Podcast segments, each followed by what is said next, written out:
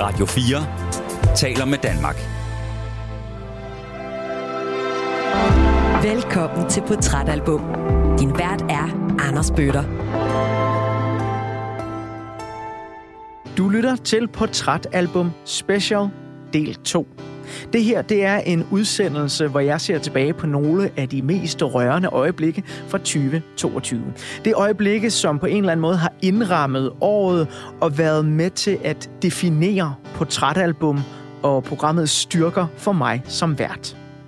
Jeg hedder Anders Bøtter, og sammen med min lyddesigner Emil Germod, så vil jeg rigtig gerne byde dig hjertelig velkommen til et nyt år her på Portrætalbum, og øh, et nyt format, portrætalbum special af en række udsendelser, vi kommer til at sende i løbet af året. Der kommer sådan cirka 8 i alt, og der samler vi altså op på nogle af de store oplevelser, som vi har haft sammen. Og i den her første udsendelse her i år, der handler det om de mest rørende øjeblikke. Lige nu der er vi i gang med at høre et uddrag fra udsendelsen Johan Olsen og Pink Floyd, der efter min mening er ja, en af de bedste portrætalbum udsendelser overhovedet.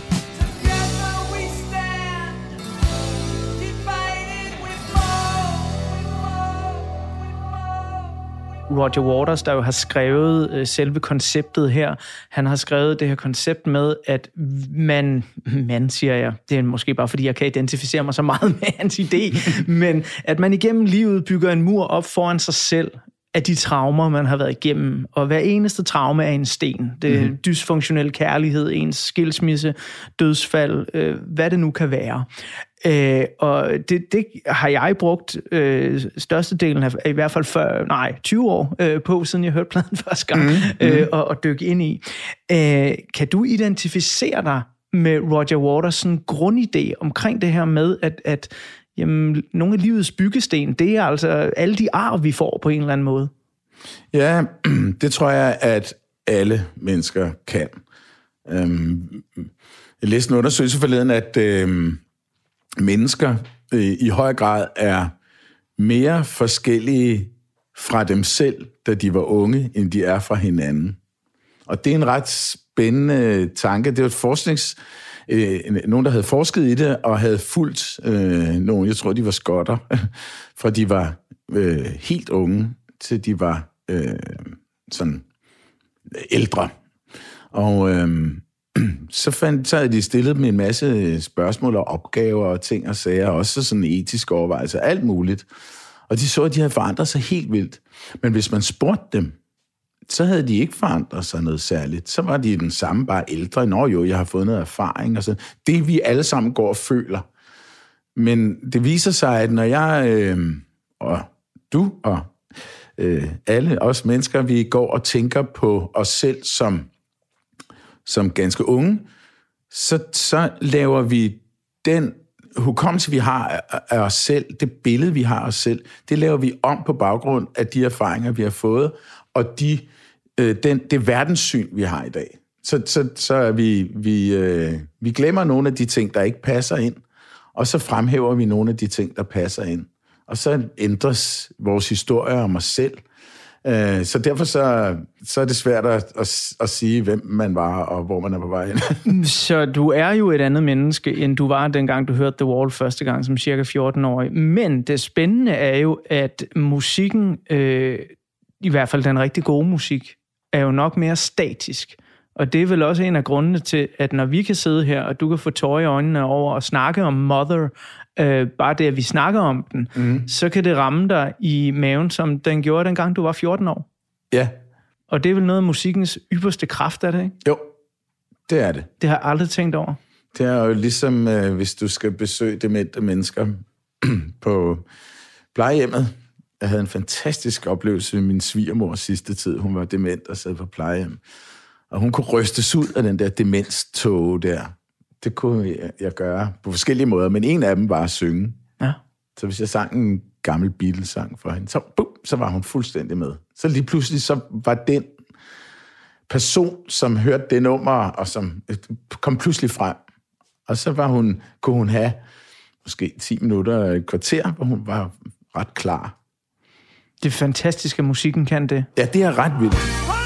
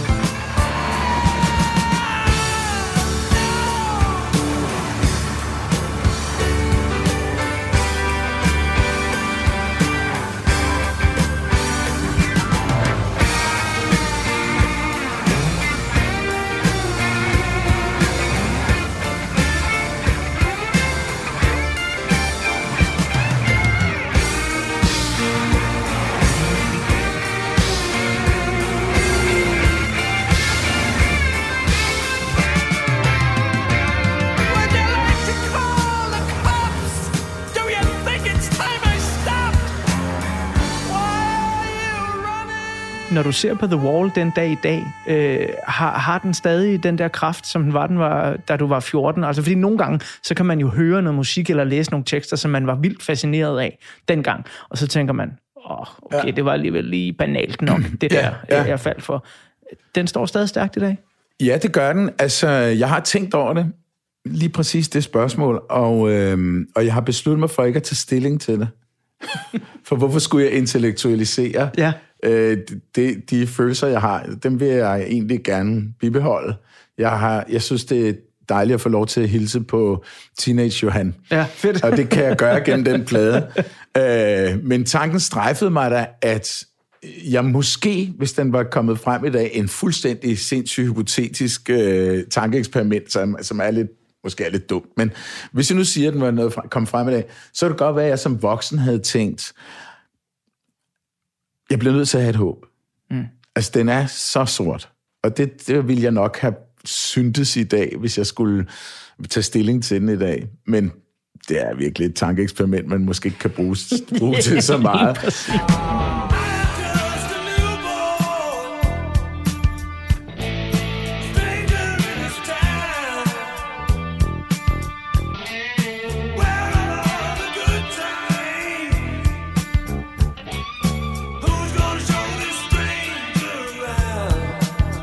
End uh, øh, Magtens Korridorer ikke er Danmarks største band, så er det jo alligevel stort nok til, at, at jeg er blevet en offentlig person i et eller andet omfang.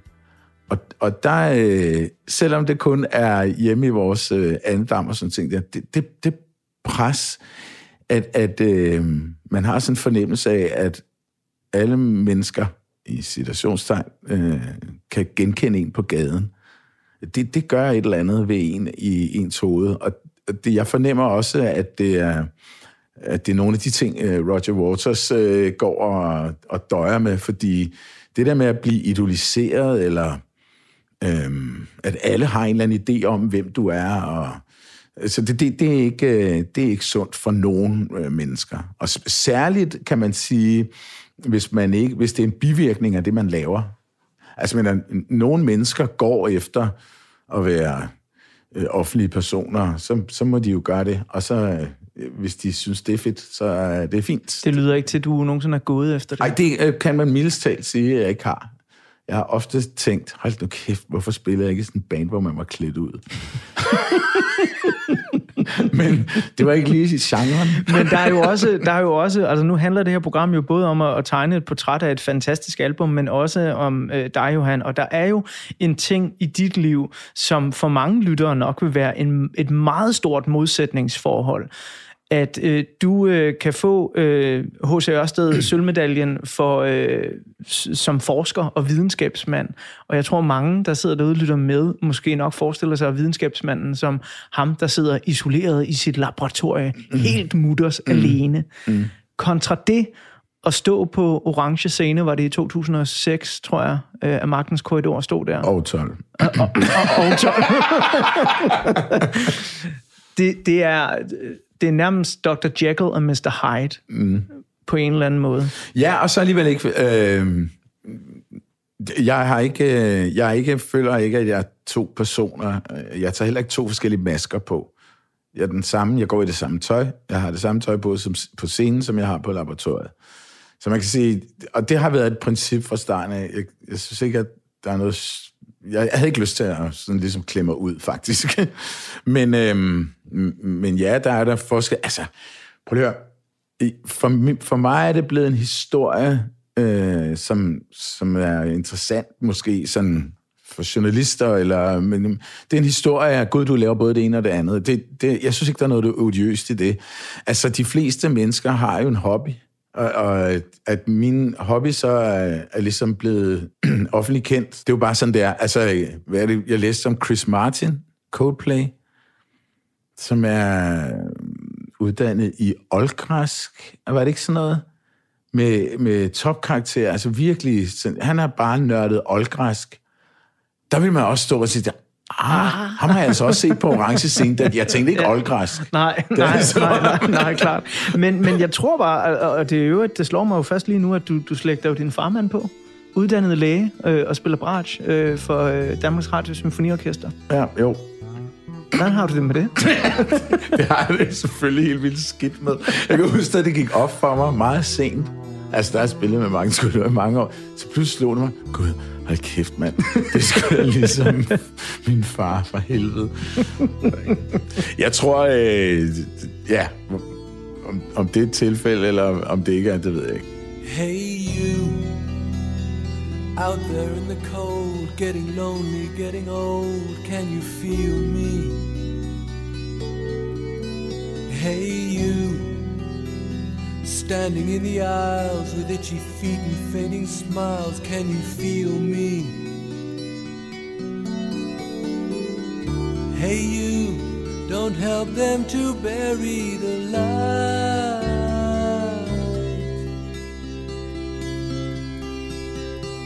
Don't give in without a fight.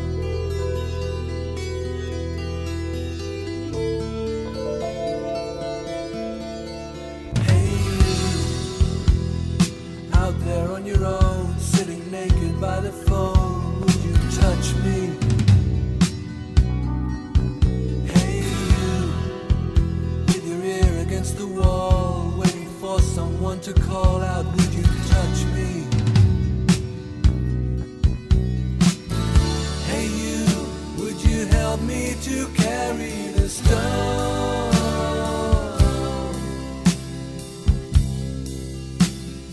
Open your heart,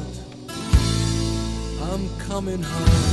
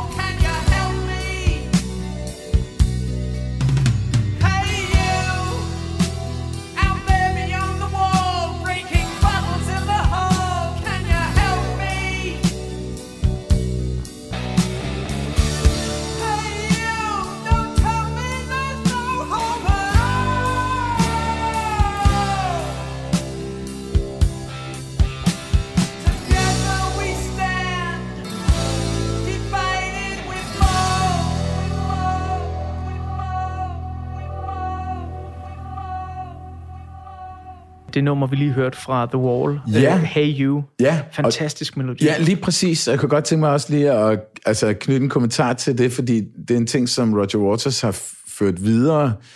Øhm, det der med at flette temaer ind fra andre sange ind i, ja, i de forskellige sange. Så her hørte vi øhm, sådan et tema fra uh, Another Brick in the Wall, det der du, du, du, du, guitar, der kører.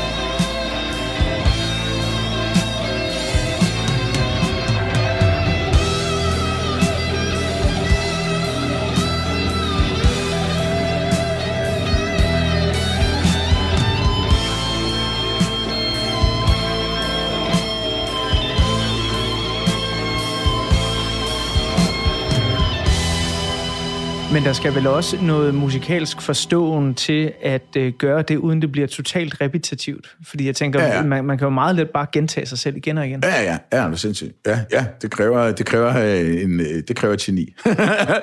Men, øh, og så kan jeg godt lide den her sang også, fordi den har den der... Det er faktisk et af de få steder, der tændes et håb. Fordi han siger, hey you, uh, out there on your own, sitting naked by the phone, uh, would you touch me?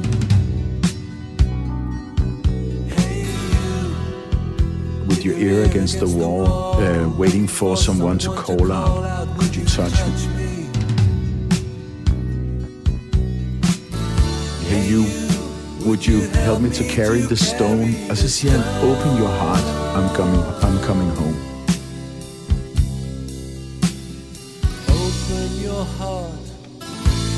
Og så har du en solo.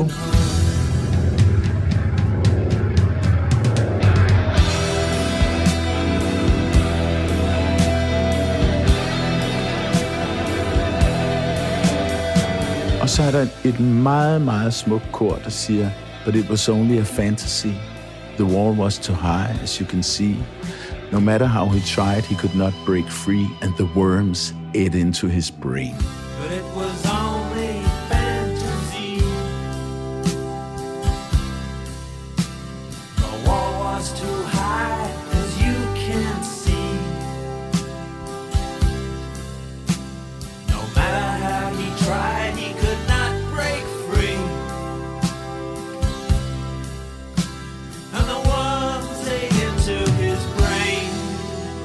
Vi når lige at håbe.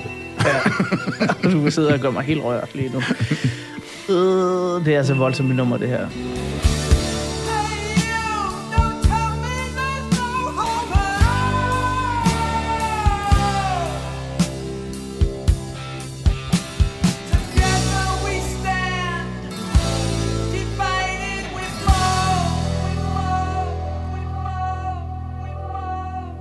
Toner fra et fuldstændig sindssygt signifikant album, som altså virkelig har betydet meget for Magtens Korridors forsanger Johan Olsen og mig selv i hver vores tid. Johan Olsen, han hørte det i midten af 80'erne. Jeg hørte det i midten af 90'erne og blev fuldstændig tryllebundet af det her albums øh, storhed og frækhed på mange måder også. Og så selvfølgelig også den film, der kom øh, efterfølgende.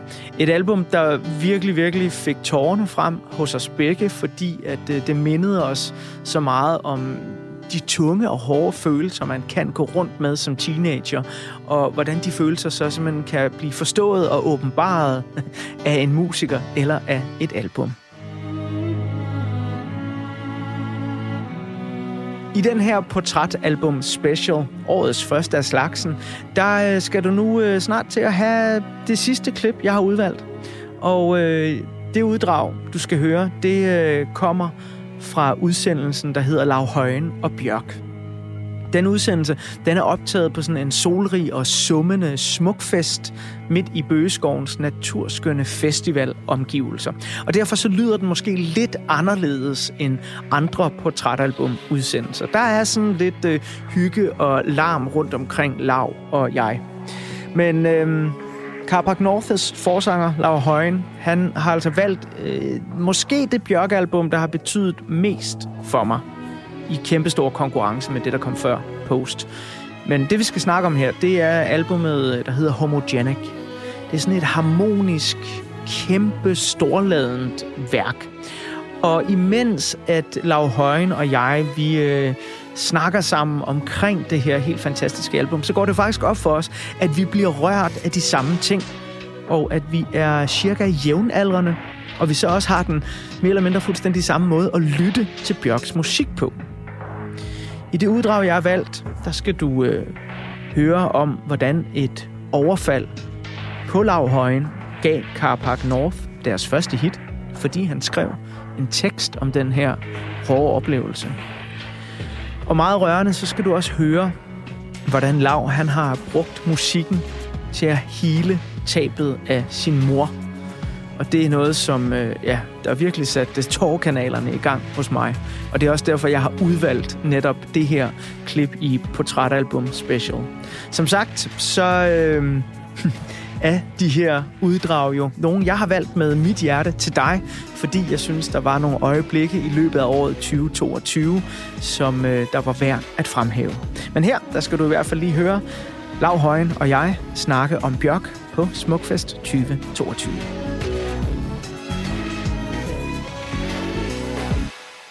musik har altid været min hobby, men øh, jeg gik jo, jeg var lige startet gymnasiet der, og øh, øh, alt hvad der ligesom er sket psykisk for mig, det sker i et par år, eller det starter med ligesom at ske øh, i, i løbet af 2G, hvor jeg bliver overfaldet.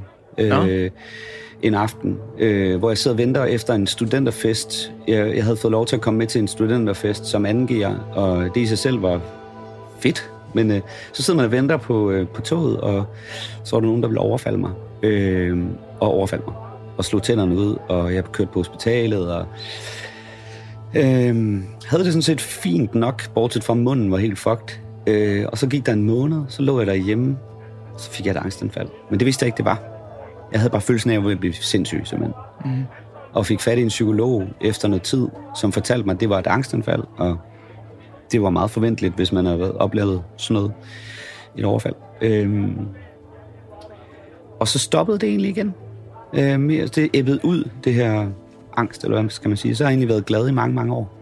Ja. Øh, Det, er- du har aldrig knoklet mere med angsten? Nå, men så bliver man voksen, jo. Og så øh, for, hvad er det ved at være, 3-4 år siden, tittede det frem igen på en, lige før en koncert, faktisk. Okay. Øh, det var ikke så meget det, jeg skulle spille. Jeg tror bare, der var utrolig meget i mit liv lige på det tidspunkt. Øh, med at have små børn og øh, øh, masser af arbejde og sådan noget, hvor jeg ikke havde fået pause nok, tror jeg. Øh, bange for, at min kone var syg. Og sådan. Der var sket alt muligt i de der måneder. Og pludselig så står jeg en time før, vi skal på Ringsted, som vi faktisk skal ud og spille på i dag. Får et fuldblåen angstanfald igen for første gang i ja, 15 år eller sådan noget. Hvis jeg må spørge, hvordan kom... Altså, jeg har selv angst, og min Ja. angst øh, kommer til udtryk ved... Det er jo meget typisk for en, der er radiovært og skal tale i en mikrofon, at øh, jeg ikke kan trække vejret. Jeg Ja. føler, at der er nogen, der kvæler mig, og jeg Ja. kan ikke få ordene frem. Ja. Jo mere jeg prøver at få ordene frem, jo større bliver kvælningen. Ja. Øh, og så har jeg lært forskellige teknikker til at overkomme det. Ja. Hvad er din angst? Hvordan kommer den til Jamen, udtryk? det ved, jeg ved det ikke. Altså, jeg tror, det er, øh, øh, når der sker noget ekstremt i mit liv. Øh, for eksempel det overfald der, og så øh, blev min kone faktisk ret svimmel i den periode, der det havde rigtig svært ved at acceptere, min mor var lige død et par år før, og min kone fungerer øh, som det tætteste livsvidne, jeg har, efter min mor øh, forsvandt. Ikke? Øh, så jeg er utrolig, utrolig glad for min kone. Øh, så hende må der ikke ske noget med. Og pludselig havde jeg blevet introduceret for, at folk kunne dø. Øh, så jeg tror, det er en del af det også. Øh, så tager jeg så op på scenen. Øh, angsten, den sådan, et, min angstanfald er sådan noget, der varer måske 20 minutter, og så æbber det ud, og så er jeg utrolig træt øh, og skrøbelig, eller sådan tyndhudet, ikke? Men vælger at gå på scenen, de andre var selvfølgelig, skal vi stoppe, skal vi aflyse, alt er godt. Det er lige meget, det er bare en koncert, who gives a fuck. Men vi gør det så, og så går jeg bare på scenen, har den en af de fedeste koncertoplevelser, jeg kan huske, Wow. fordi det var så meget fuck you-agtigt. Fuck den angst, altså. Det var så smukt. Øh, og det heldigvis fungerer det at være på en scene som et utroligt frirum for mig, kan jeg mærke. Øh, jeg føler mig utrolig mig selv, når jeg står på en scene. Og det, øh, det har ikke smittet ind i i hvert fald endnu. Øh, det tror jeg heller ikke, det gør. Fordi det er så... Man er ude i fingrene, når, man, når, når jeg spiller, så spiller jeg jo også guitar. Mm. Så jeg har altid fingrene med mig på en eller anden måde, mens jeg synger. Jeg tror, det ville være noget andet, hvis jeg kun skulle synge. Men faktisk også bare det at synge, det kan hjælpe på min angst. Altså man tømmer sig på en eller anden måde og trækker luften ind og ud, du ved. Hvordan, altså hvis vi lige vender tilbage til, til der i ja, øh, slutningen af 90, det er slutningen af 90'erne, du bliver overfaldet, ikke? Ja. Øh, kom, kom der, jeg skulle til at sige, om der, der kom der noget ud af det overfald, sådan rent musikalsk? Altså, Det gjorde der jo. Det Gjorde det der. Ja, ja.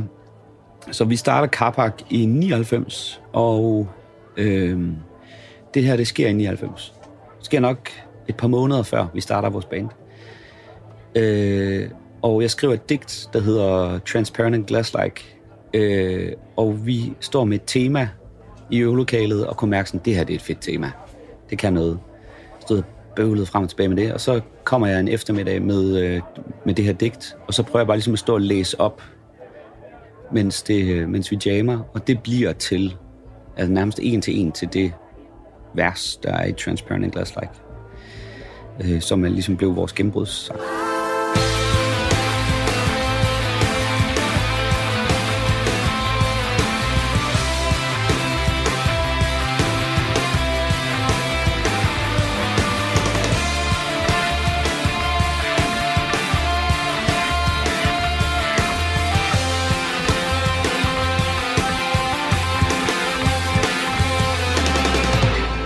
Må da være vildt tilfredsstillende at have så stort et hit, der egentlig peger tilbage på så vild en oplevelse. Jo, den, det, er, det er terapi, øh, helt klassisk. Øh, og øh, høre folk synge den gør på en eller anden måde, at hver eneste gang jeg hører øh, en crowd stå og synge vores sang, så er det som om man visker smerten en lille smule bort øh, fra den gang.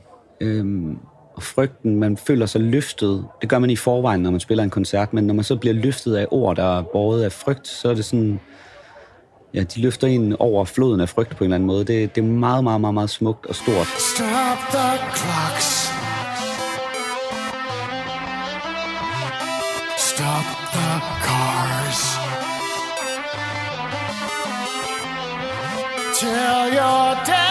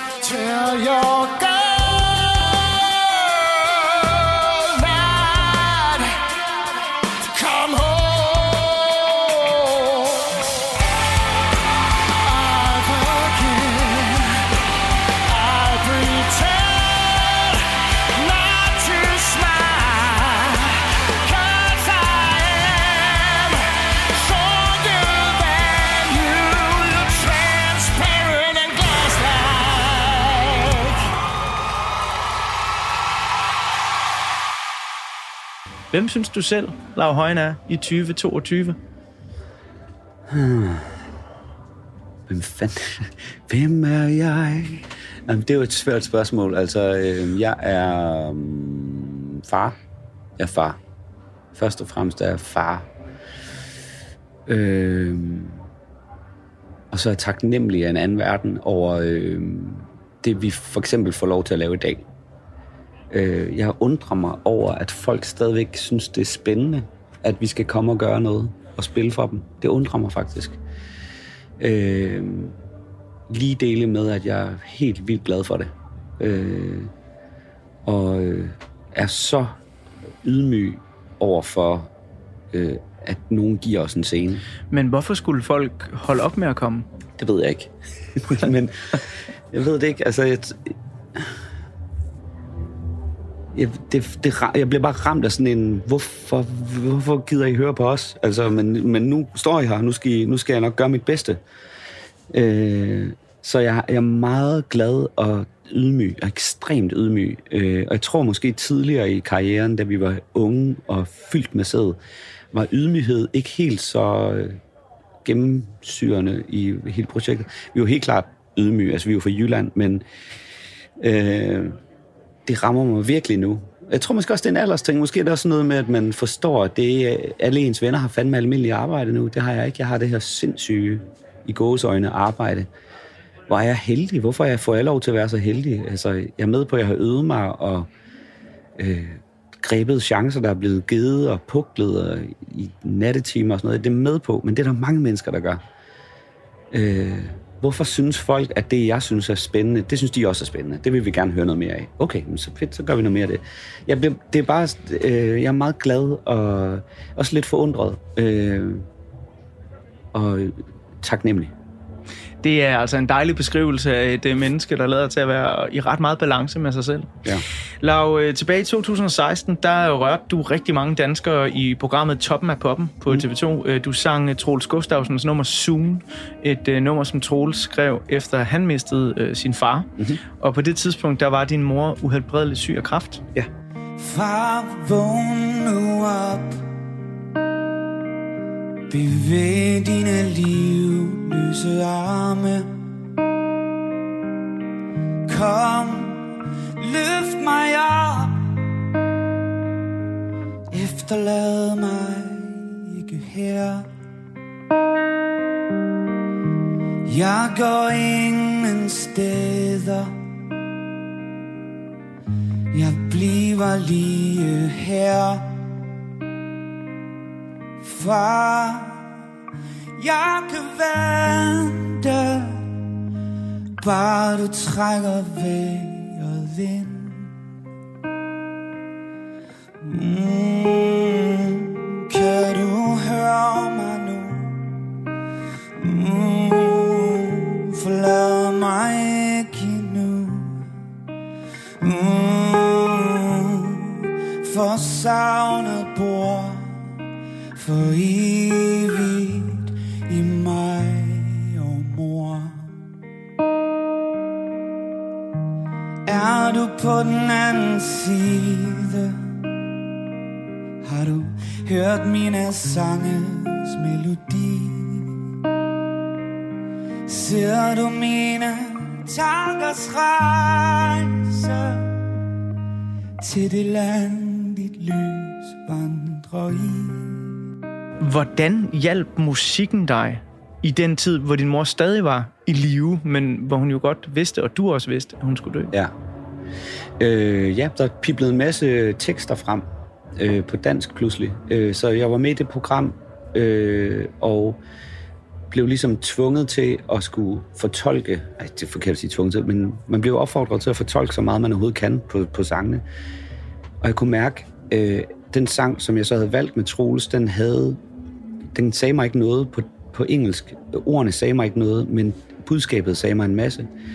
Og så skrev jeg den om, så skrev jeg den om til dansk, og der fløj det bare ud af mig. Jeg kan huske, at jeg sad ude i vores køkken i vores øh, studie, og lige ville prøve at se, hvad der kunne komme ud af det, og så kom der bare noget ud i løbet af 10 minutter, så havde jeg skrevet tre vers, og jeg har ikke prøvet at skrive på dansk i 20 år på det tidspunkt. Øhm, og det kunne jeg bare mærke, det her, det kan noget, og da jeg skulle fremføre det for ham, kunne det noget, og synge det på dansk for ham. Så der begyndte at opstå mere og mere musik på den måde. Øh, jeg kan huske, at jeg lavede en sang, der hed, øh, eller det der sådan var starten til en sang, vi lavede, der hed Håb, øh, der hedder Håb, som også kom utrolig nemt til mig. Jeg flygter over et hav af tårer Men jeg synker til bunds uden dig og vi var i tvivl om, vi skulle tage det ind i Kabak, fordi vi synger på engelsk, og hvordan, hvad er det for et underligt mørkt sted pludselig at gå hen, øh, når vi har været vant til You Save Me, altså sådan noget lyst. Øh, Jo, det er jo også et, et forholdsvis privat sted. Jo, det altså, det et jo privat meget sted, ja. lav Ja, privat, det er meget, det her. Jo, lige præcis. Og øh, vi er jo tre mand, der står som afsender på det hele. Ikke? Så altså, Transparent har, har jeg helt klart skrevet teksten, men vi har været sammen om at skrive det hele. Øh, så vi er jo meget et kollektivt projekt, og derfor så, øh, ja, så var det jo også lidt skørt måske at begynde at blive helt privat på teksterne pludselig. Men det, så prøvede vi at tage den her sang Håb med ud øh, live, og kunne bare... Der er sådan et break i sangen, og der var musestille. Folk havde aldrig hørt sangen før. Man kunne simpelthen høre, så kunne man høre sådan nogle uh, ud bagfra. I, altså folk, de elskede det. Og det føltes så vildt at spille live. Øhm, så vi besluttede os at putte dem på pladen. Og så var der bare flere sange, øhm, som ikke, der ikke blev plads til i vores univers der ikke gav mening. Men Lav, jeg, øh, er inter- jeg, jeg, jeg, jeg synes faktisk lige, at vi, øh, for, for dem, der ikke har hørt det nummer, så, så vi, vi skal lige høre lidt af, af håb i hvert fald. Ja. Jeg vågnede op i dag med tårer Jeg vågnede op i dag med håb Det vilde i at leve Bare for at skulle dø. Det smukke i at elske Bare for at se dig forgå. Jeg vågnede op i dag med tår. Jeg vågnede op i dag med håb. Jeg har svømmet dit hav af frygten. Jeg har vandret din ørken tvivl. Og jeg har løftet din borg I håb om at redde dit liv. Nu er det mine hænder, der bærer Den som engang var på mig. Jeg flygter over et hav af tårer. Men jeg synker til bunds uden dig.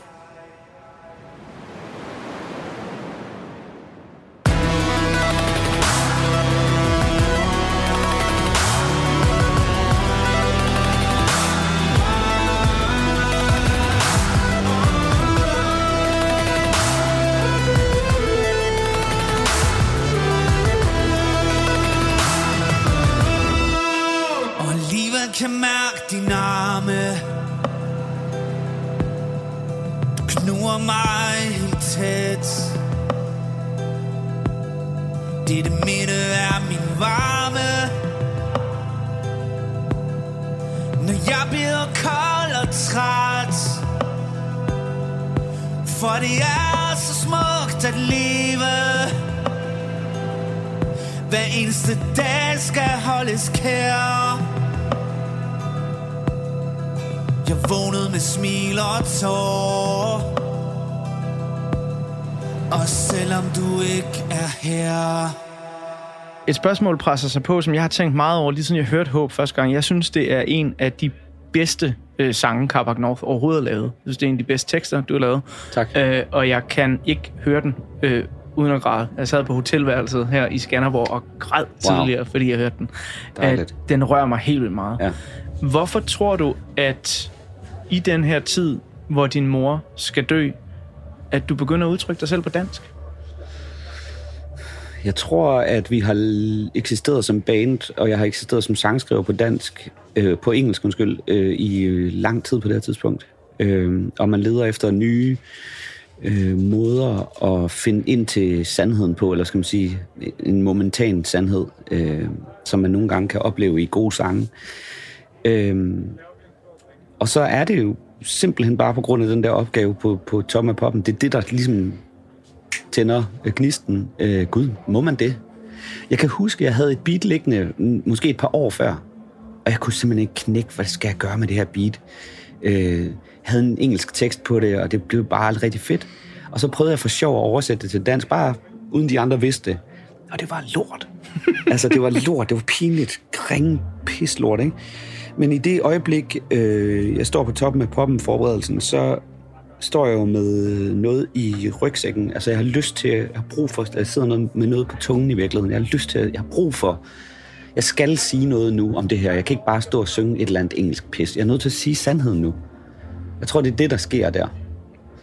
Så der er en øh, distance, øh, der bliver kortere, når man udtrykker sig på sit modersmål. Ja, ja. Det er jo regel nummer et. Ja. Altså, det er, det er, sådan er det jo bare. Og jeg fik det sådan i den periode, at hvis, hvis jeg stiller mig op på den scene, så skal jeg, så skal jeg have noget på hjertet, eller så kan jeg fucking stille mig, så kan jeg fjerne mig fra scenen. Det er vigtigt. Ellers så spilder jeg folks tid, og spilder min egen tid.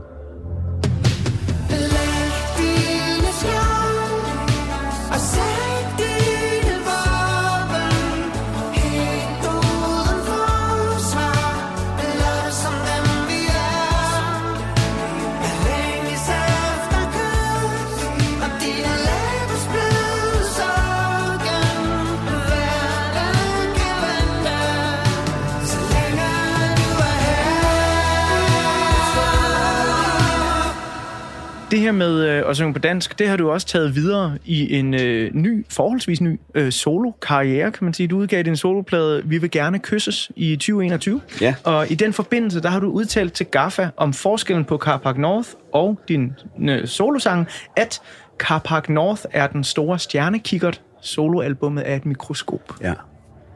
Kan du ikke lige uddybe det lidt? Jo. Øh, så der var flere sange, der, øh, der, der pressede sig på, og jeg kunne mærke, at mange af dem ikke skulle produceres. Og jeg vidste i øvrigt heller ikke, hvordan jeg skulle producere det. Og jeg havde i øvrigt heller ikke lyst til at producere for meget på det. Det måtte gerne være lidt råt og lidt hurtigt. Øhm, og jeg vil ikke sådan til at definere en sound op og ned i modsætning til Carbac North. Jeg vil stadigvæk gerne have, at Carbac North er det sted, hvor der bliver lavet mest sindssyge lyde. Jeg havde bare nogle sange, jeg havde lyst til at, som lå i skuffen, som jeg havde lyst til at få ud. Øhm, og på den måde, altså Carbac North er jo en stjernekikkert, fordi det er jo det storladende, det indgår i vores navn. Altså vi betragtede North som Carbac North, som nordlys, stjerner, elektronik. Og det er, øh, det er en kæmpe stor maskine efterhånden, Carbac North. Det har det egentlig altid været, lydmæssigt, ikke? Øhm, og så var der bare noget sjovt i at sidde næsten bare med sit forstørrelsesglas eller sit mikroskop. Mikroskop er sjovere, fordi der, der går man jo øh, så dybt ind, man næsten kan komme med øjet. Øhm, og det, øhm, det var det, jeg havde lyst til. At se, hvad sker der, hvis jeg bliver helt vildt privat. Og jeg, og jeg, jeg kan huske i perioden, øh, øh, jeg begyndte at udgive noget sådan løbende, inden pladen var færdig. Og var så meget i tvivl. Det kan man også se på nogle af de videoer, jeg har lavet i den periode øh, hvor jeg sådan snakker til kameraet og siger, så nu er den første sang ud, og nu må vi se, om der er andre end mig, der synes, det er fedt. For den følelse havde jeg ægte. Jeg anede ikke, om Nej. det her det bare var, jamen det er da fint, Lav. Who gives flying fuck? Så så jeg dit ansigt Glade øjne, hud og liljer Syv år, fri, lykkelig Jeg bliver bare mere og mere bange for at flyve, jo ældre jeg bliver. Og det skrev jeg et digt om på flyveren på min telefon, om, som så blev til den sang, om at, at forsvinde fra sine børn. Og mig flød med fejlen på vingen Revnen, der blev større i turbulensen Lufthuller, der trak mig ned det er jo det der private rum. Hvem, hvem, who gives a fuck about your... Nu taler jeg bare engelsk. Altså, Jamen, altså hvem, hvem bekymrer sig om din flyangst? Det er da ligegyldigt. Men det viste sig jo så, da det så udkom, jeg kan huske den første koncert, øh, hvor jeg i øvrigt heller ikke vidste, hvad der var solgt af billetter, for det turde jeg ikke. jeg turde ikke spørge efter tallene. Og så var der bare masser af mennesker, og de elskede det. De elskede det, og jeg var helt vildt overrasket over, hvor godt det gik, og ej, hvor var jeg ude at skide der. Så det var så spændende, fordi det var så alt var nyt. Og så stå der og aflevere det der musik, fortælle historierne mellem sangene, og så få den reaktion fra folk. Og pludselig så går det sådan op for mig der, okay, det lykkedes, fedt. huh, fuck. Så så jeg dit ansigt. Glade øjne, hud og liljer. Syv år, fri, lykkelig. Og mig flød med fejlen på vingen Revnen, der blev større i turbulensen. Lufthuller, der trak mig ned. Der var dit ansigt bag min øjenlåg. Smilen om morgen i morgensolen Kaldte på mig helt langsomt Som et råb i en skov. Pludselig blev dit ansigt ældre. Teenager på vej ud med dine venner dog. Stad med ansigtet kaldende mod mig. Og nu så jeg vinke slip på flyet Næsten som et kærtegn. Som en hånd der glider forbi en anden hånd. Krængende snorene hældende Næsten uendeligt nedad væltende Og der ramte vi vandet midt ud i det mørke grå.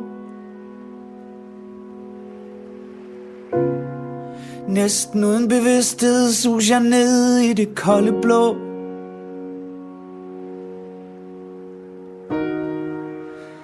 Der står du på vandets spejl, rækker hånden ud efter mig. Men jeg trækkes bare ned. Din varme hud Og inden det sortner ud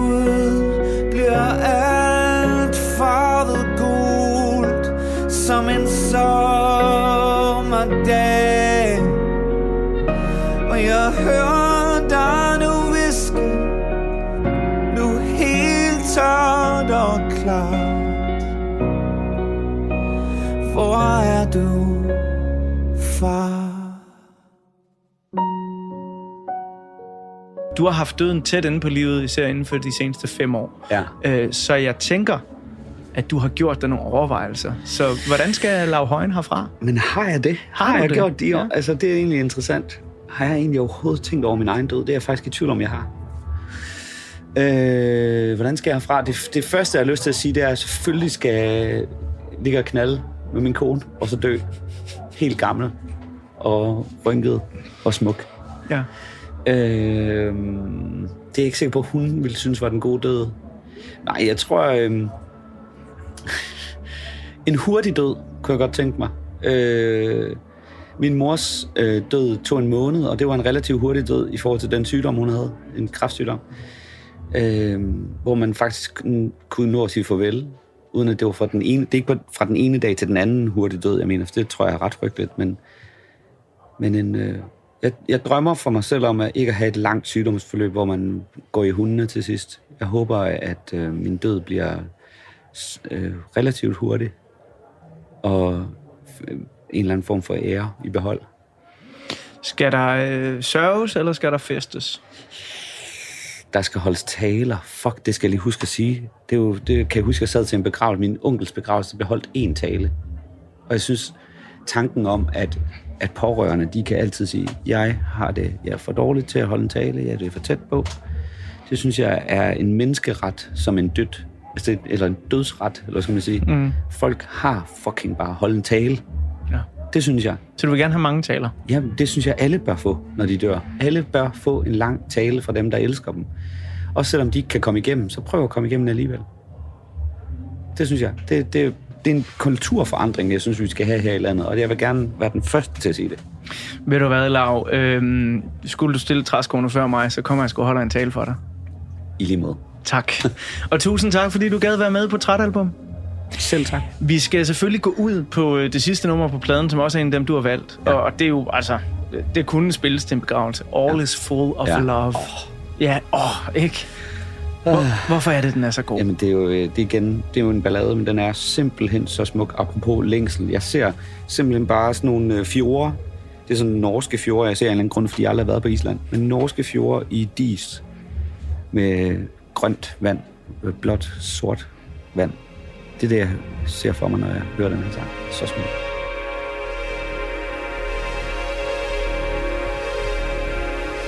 To be given